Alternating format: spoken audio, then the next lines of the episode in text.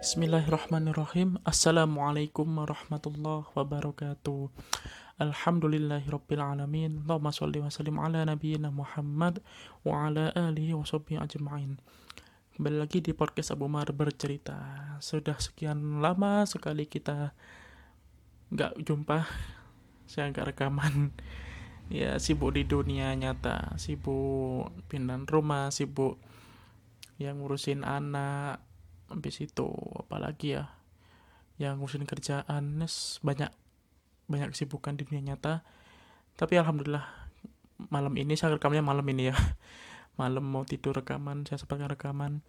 Nah, dikasih kesempatan buat record buat rekaman suara untuk melanjutkan cerita kita. Kisah kita tentang Sirah Nabawiyah. Uh, terakhir kita sudah membahas kota Mekah yang kota Mekah direbut oleh keturunan Nabi Ismail yaitu Kosoi lalu Kosoi punya dua anak yang berkuasa pada saat itu yaitu Abdudar sama Abdul Manaf. Sampai kita membahas tentang Hashim lalu Abdul Muthalib.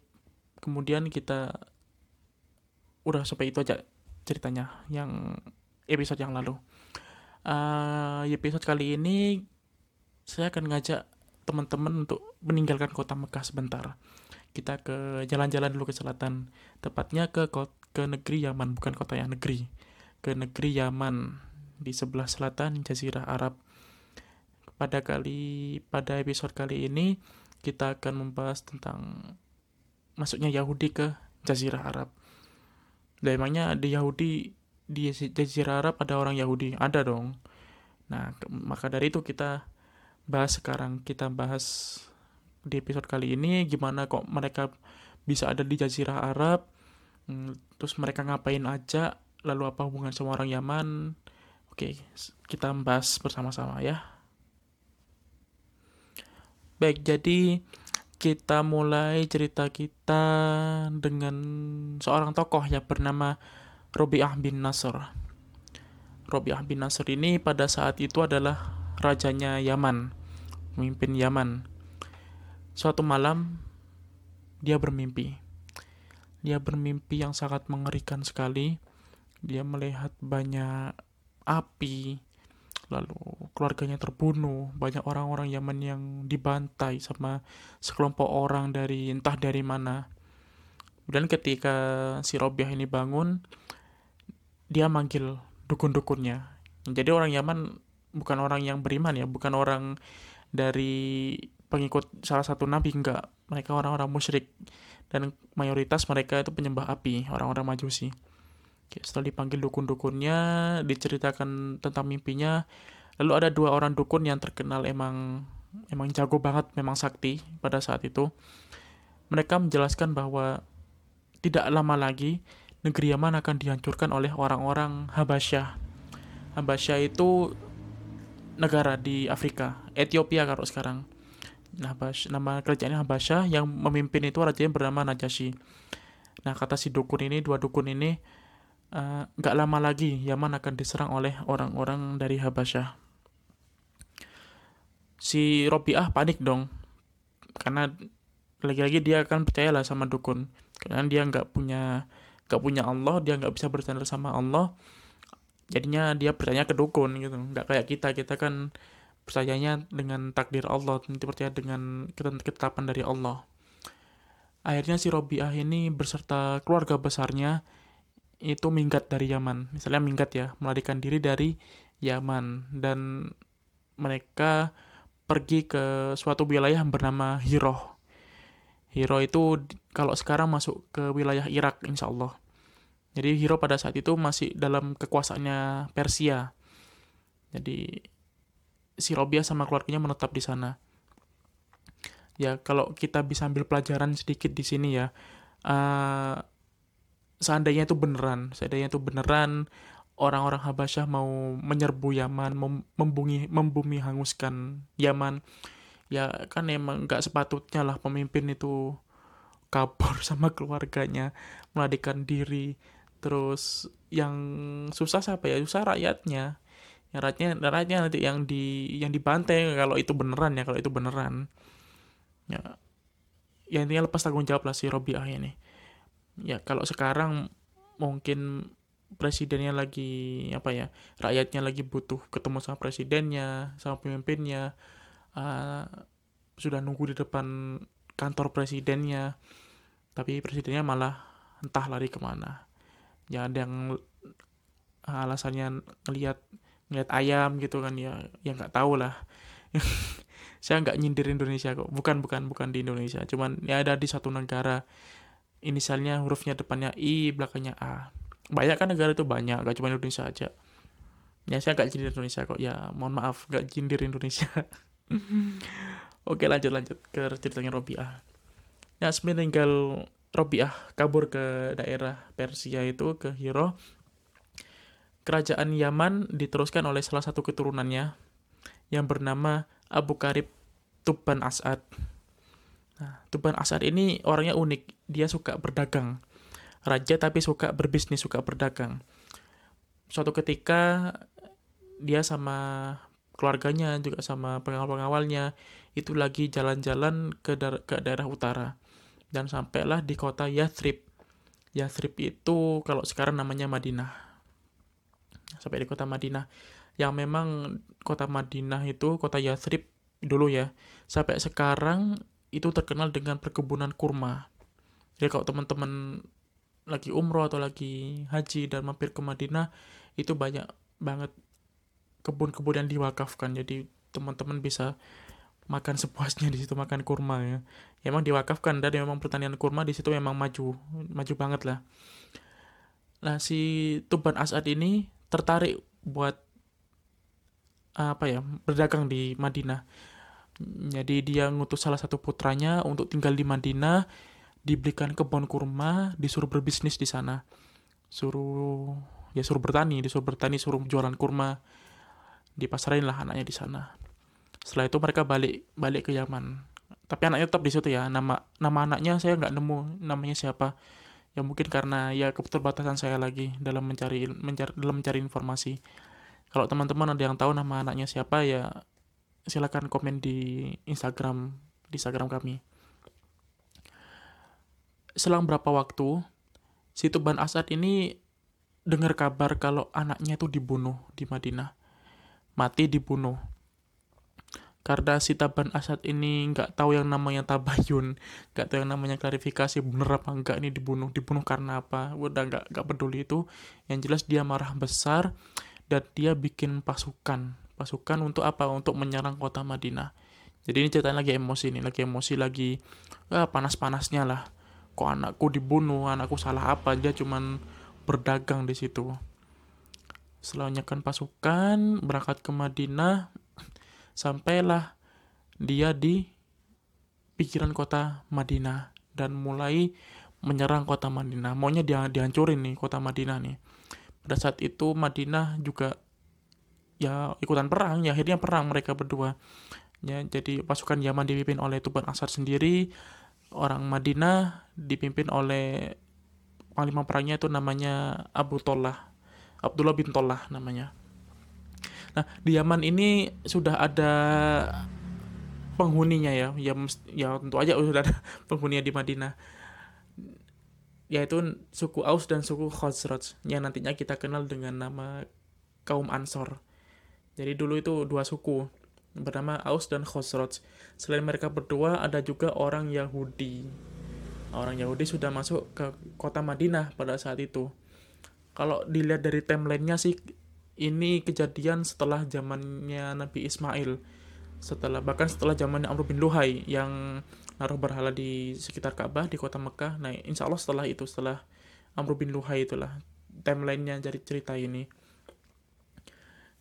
orang Yahudi kok bisa masuk Madinah gimana sih ceritanya jadi orang Yahudi itu kan asal dari negeri Syam ya dari negeri Syam karena Nabi Musa dulu dari Mesir hijrahnya kan ke negeri Syam. Walaupun di situ ada banyak polemik yang orang-orang Bani Israel nggak mau masuk kota masuk negeri Syam lah gak mau ini gak mau itu banyak mau banyak maunya lah orang-orang Bani Israel.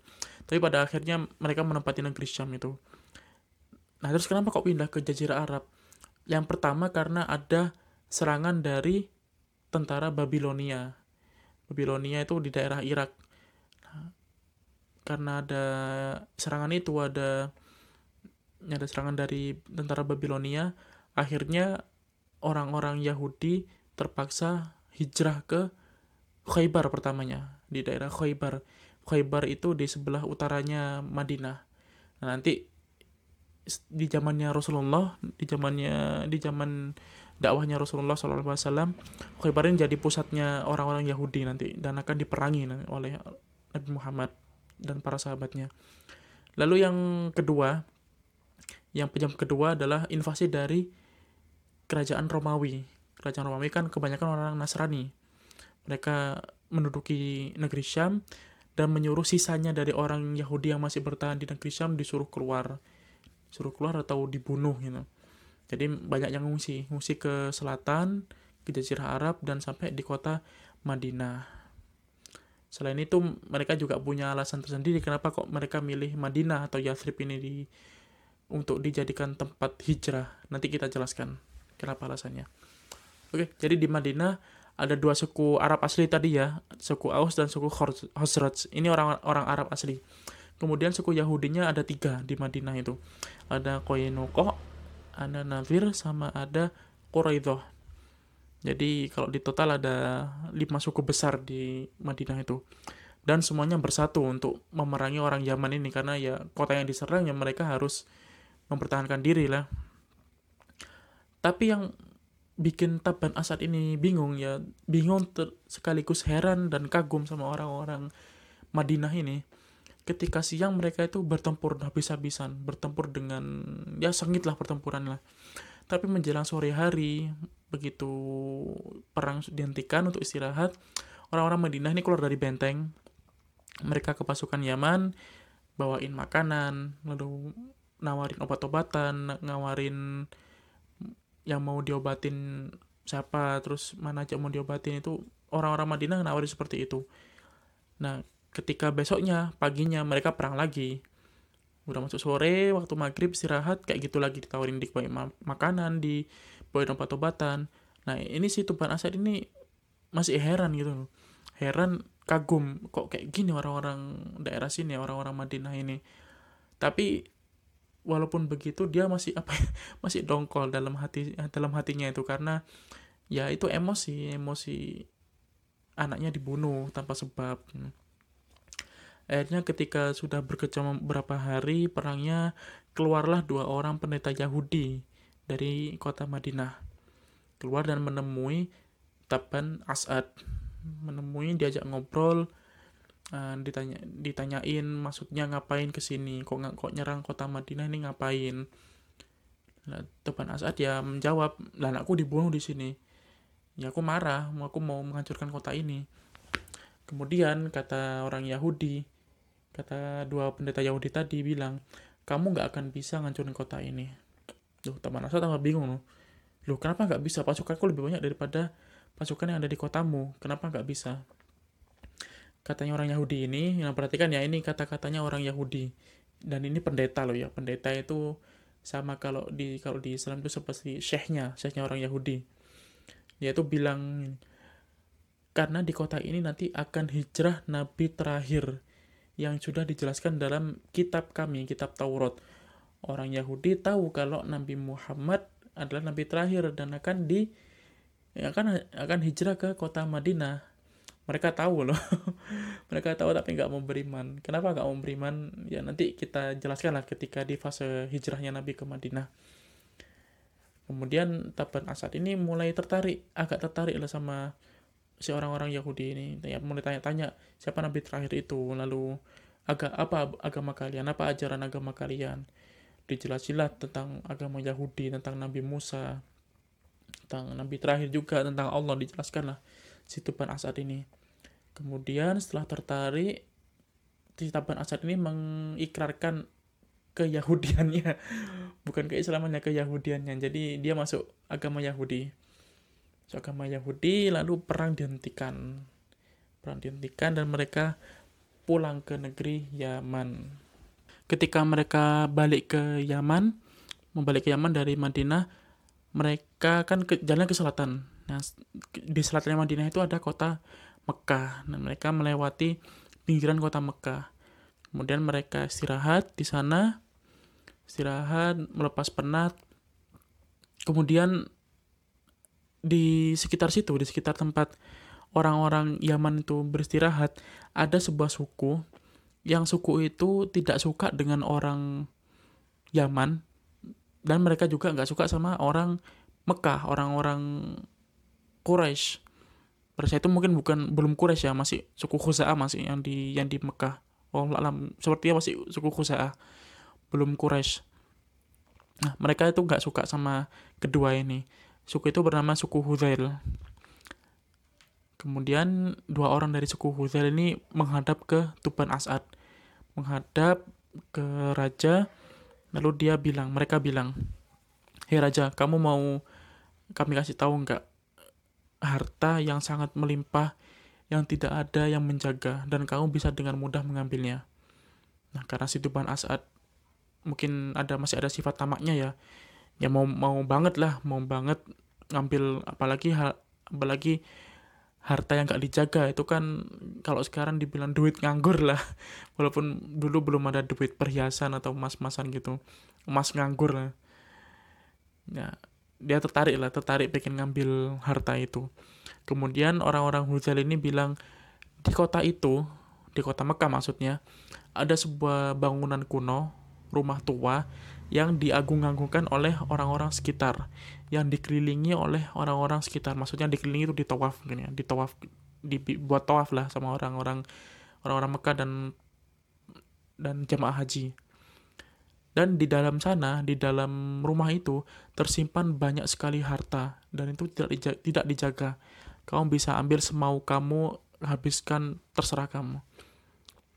Ya emang orang-orang dulu itu suka menaruh harta di Ka'bah sebagai apa ya sebagai sodakoh sodakoh ke Ka'bah. Kemudian tanpa pikir panjang setelah orang-orang Huzail itu pergi, Tuban Asad langsung menyiapkan pasukannya, pasukan perang mau nyerang kota Mekah ini lebih gila lagi. Lebih gila lagi ini ya. Awalnya nyerang Madinah atau sekarang mau nyerang Mekah. Tapi ini kejadian sebelum kan ya sebelum pasukan gajah Abraha itu menyerang kota Mekah. Belum ini belum kejadiannya. Jadi kalau bilang ada yang menyerang kota Mekah nah mungkin ini pelopornya si Tuban As'ad ini. Nah sudah siap berperang mau masuk ke kota Mekah pendeta Yahudi ini kaget. Kan ikut nih orang-orang Yahudi ini ikut ke Yaman Dua orang Yahudi ini ikut ke Aman diajak sama Tuban As'ad untuk mendakwakan agama Yahudi di Yaman. Jadi mereka ikut ke pasukan, ikut sama Tuban As'ad. Nah ketika mereka melihat Tuban As'ad dan tentaranya bersiap perang, seperti bersiap perang, orang Yahudi ini bingung, kaget. Terus dia tanya, eh raja, mau ngapain kita kan mau pulang, kok kok kita mau persiapan perang, mau perang sama siapa kita? Akhirnya si raja ini cerita, aku mau ngambil harta yang ada di sana. Katanya orang-orang sekitar sini di sana ada bangunan tua yang diagukan oleh masyarakat setempat dan tersimpan banyak harta di sana dan tidak dijaga. Aku mau ngambil. aku mau ngambil nih, itu kan duit nganggur. Dan orang-orang Yahudi itu ya tentu saja kaget karena orang-orang Yahudi ya orang-orang Yahudi itu tahu tahu kalau itu adalah Ka'bah Kemudian mereka, orang Yahudi itu bilang ke Tuban As'ad, pasti yang bilang ke kamu itu orang-orang Huzail Raja. Mereka itu nggak suka sama orang Mekah, juga nggak suka sama orang Yaman. Kamu memang, memang mau diadu domba sama mereka, sama orang-orang Huzail itu. Kemudian si Raja tanya, oh gitu ya. Terus memang ada, memang benar ada rumah tua di situ, di kota Mekah itu. Kata si Yahudi, ini perhatikan lagi ya, ini kata-kata orang Yahudi ya kami tidak tahu rumah Allah yang ada di bumi kecuali yang berada di kota ini, berada di kota Mekah. Jadi orang Yahudi itu meyakini kalau Ka'bah itu adalah rumah Allah, Ka'bah itu adalah bangunan yang dibangun untuk Allah oleh Nabi mereka, Nabi Ibrahim alaihissalam dan anaknya Nabi Ismail. Kemudian si raja ini, Tuban As'ad, tanya lagi, oh gitu ya. Terus aku harus ngapain? Gue harus ngapain sama rumah itu? Kata si Yahudi, kau masuk ke sana pakai pakai baju sederhana aja jangan pakai baju kerajaan kamu keliling kamu keliling rumah itu keliling Ka'bah tujuh kali. Kemudian jangan lupa kasih makan orang-orang miskin. Sedekah suruh sedekah. Kemudian si raja manut dia ganti baju baju biasa. Ketika mau masuk kota Mekah dia heran loh kok orang Yahudi ini kok gak ikut? Loh kamu gak ikut. Gak ikut kami gak ikut gak ikut ke rumah tua itu dia bilangnya rumah tua bukan Ka'bah. Gak ikut ke, ke Ka'bah. Si Yahudi ini bilang kami ini pendeta Yahudi dan kami tidak layak tawaf di sekitar Ka'bah sementara ada banyak berhala mengitari Ka'bah. Dan pada saat itu yang banyak-banyak banget pak berhala di kota Mekah khususnya di sekitar Ka'bah. Nah, ini semakin menguatkan bahwa uh, timeline cerita ini um, terjadi setelah zamannya Amr bin Luhai pemimpin Mekah yang membawa yang memperkenalkan berhala ke orang-orang Mekah dan Jazirah Arab Oke, si raja akhirnya masuk ke kota Mekah, tawaf bersama beberapa pengawalnya. Kemudian setelah tawaf, si raja ini capek mungkin ya, capek, lelah, dan ketiduran di sebelah Ka'bah. Pada saat itu, Ka'bah belum ada kiswahnya, belum ada uh, serubung hitam kalau sekarang ya. Kiswah itu belum ada, jadi masih batu gitu aja, masih bangunan apa tanah liat gitu aja, belum ada kiswahnya. Si raja ini mimpi dia naik ke Ka'bah lalu memberikan kain yang terbaik dari negeri Yaman. Karena Yaman memang tempat kain terbaik ya pada saat itu. Kain tenun apa kain kain katun gitu saya saya lupa. Pokoknya uh, kain terbaik itu ada di Yaman di Jazirah Arab. Kemudian ketika si rajanya itu bangun, Tuban Asad bangun, dia segera ngambil kain yang dia bawa dari Yaman, kain terbaiknya, lalu diserbungkan ke empat sisi Ka'bah. Dan itu awal mula kiswah digunakan di sekitar Ka'bah. Dia juga titip pesan setelah bersodako menguasai kiswah. Dia juga berpesan ke pemimpin Ka'bah, ke eh, pemimpin Mekah pada saat itu untuk mengganti kiswahnya, mengganti kainnya kalau sudah usang, sudah terlihat kotor, diganti dengan kain yang lebih bagus lagi. Setelah itu mereka balik lagi ke Yaman, pulang ke Yaman bersama uh, dua orang Yahudi itu. Ketika masuk ke negeri Yaman, si Tuban Asad ini mulai berdakwah, mendakwahkan Yahudi ke masyarakat Yaman dan dibantu oleh dua orang pendeta ini. Awalnya masyarakat Yaman menolak, menolak terutama dukun-dukunnya, menolak ini ajaran apa ini? Sudah ajaran yang asing bagi kami. Bagi kami itu yang paling benar adalah ajaran dari nenek moyang. Kemudian salah satu dari mereka menantang gini aja kita ke api agung. Apa api agung itu? Jadi di negeri Yaman karena mayoritas orang-orang majusi penyembah api jadi mereka itu punya bangunan yang besar sekali. Yang bangunan itu dalamnya ada api api yang tet tetap menyala tetap terus-terusan menyala. Dan ada pintunya juga pintu yang besar.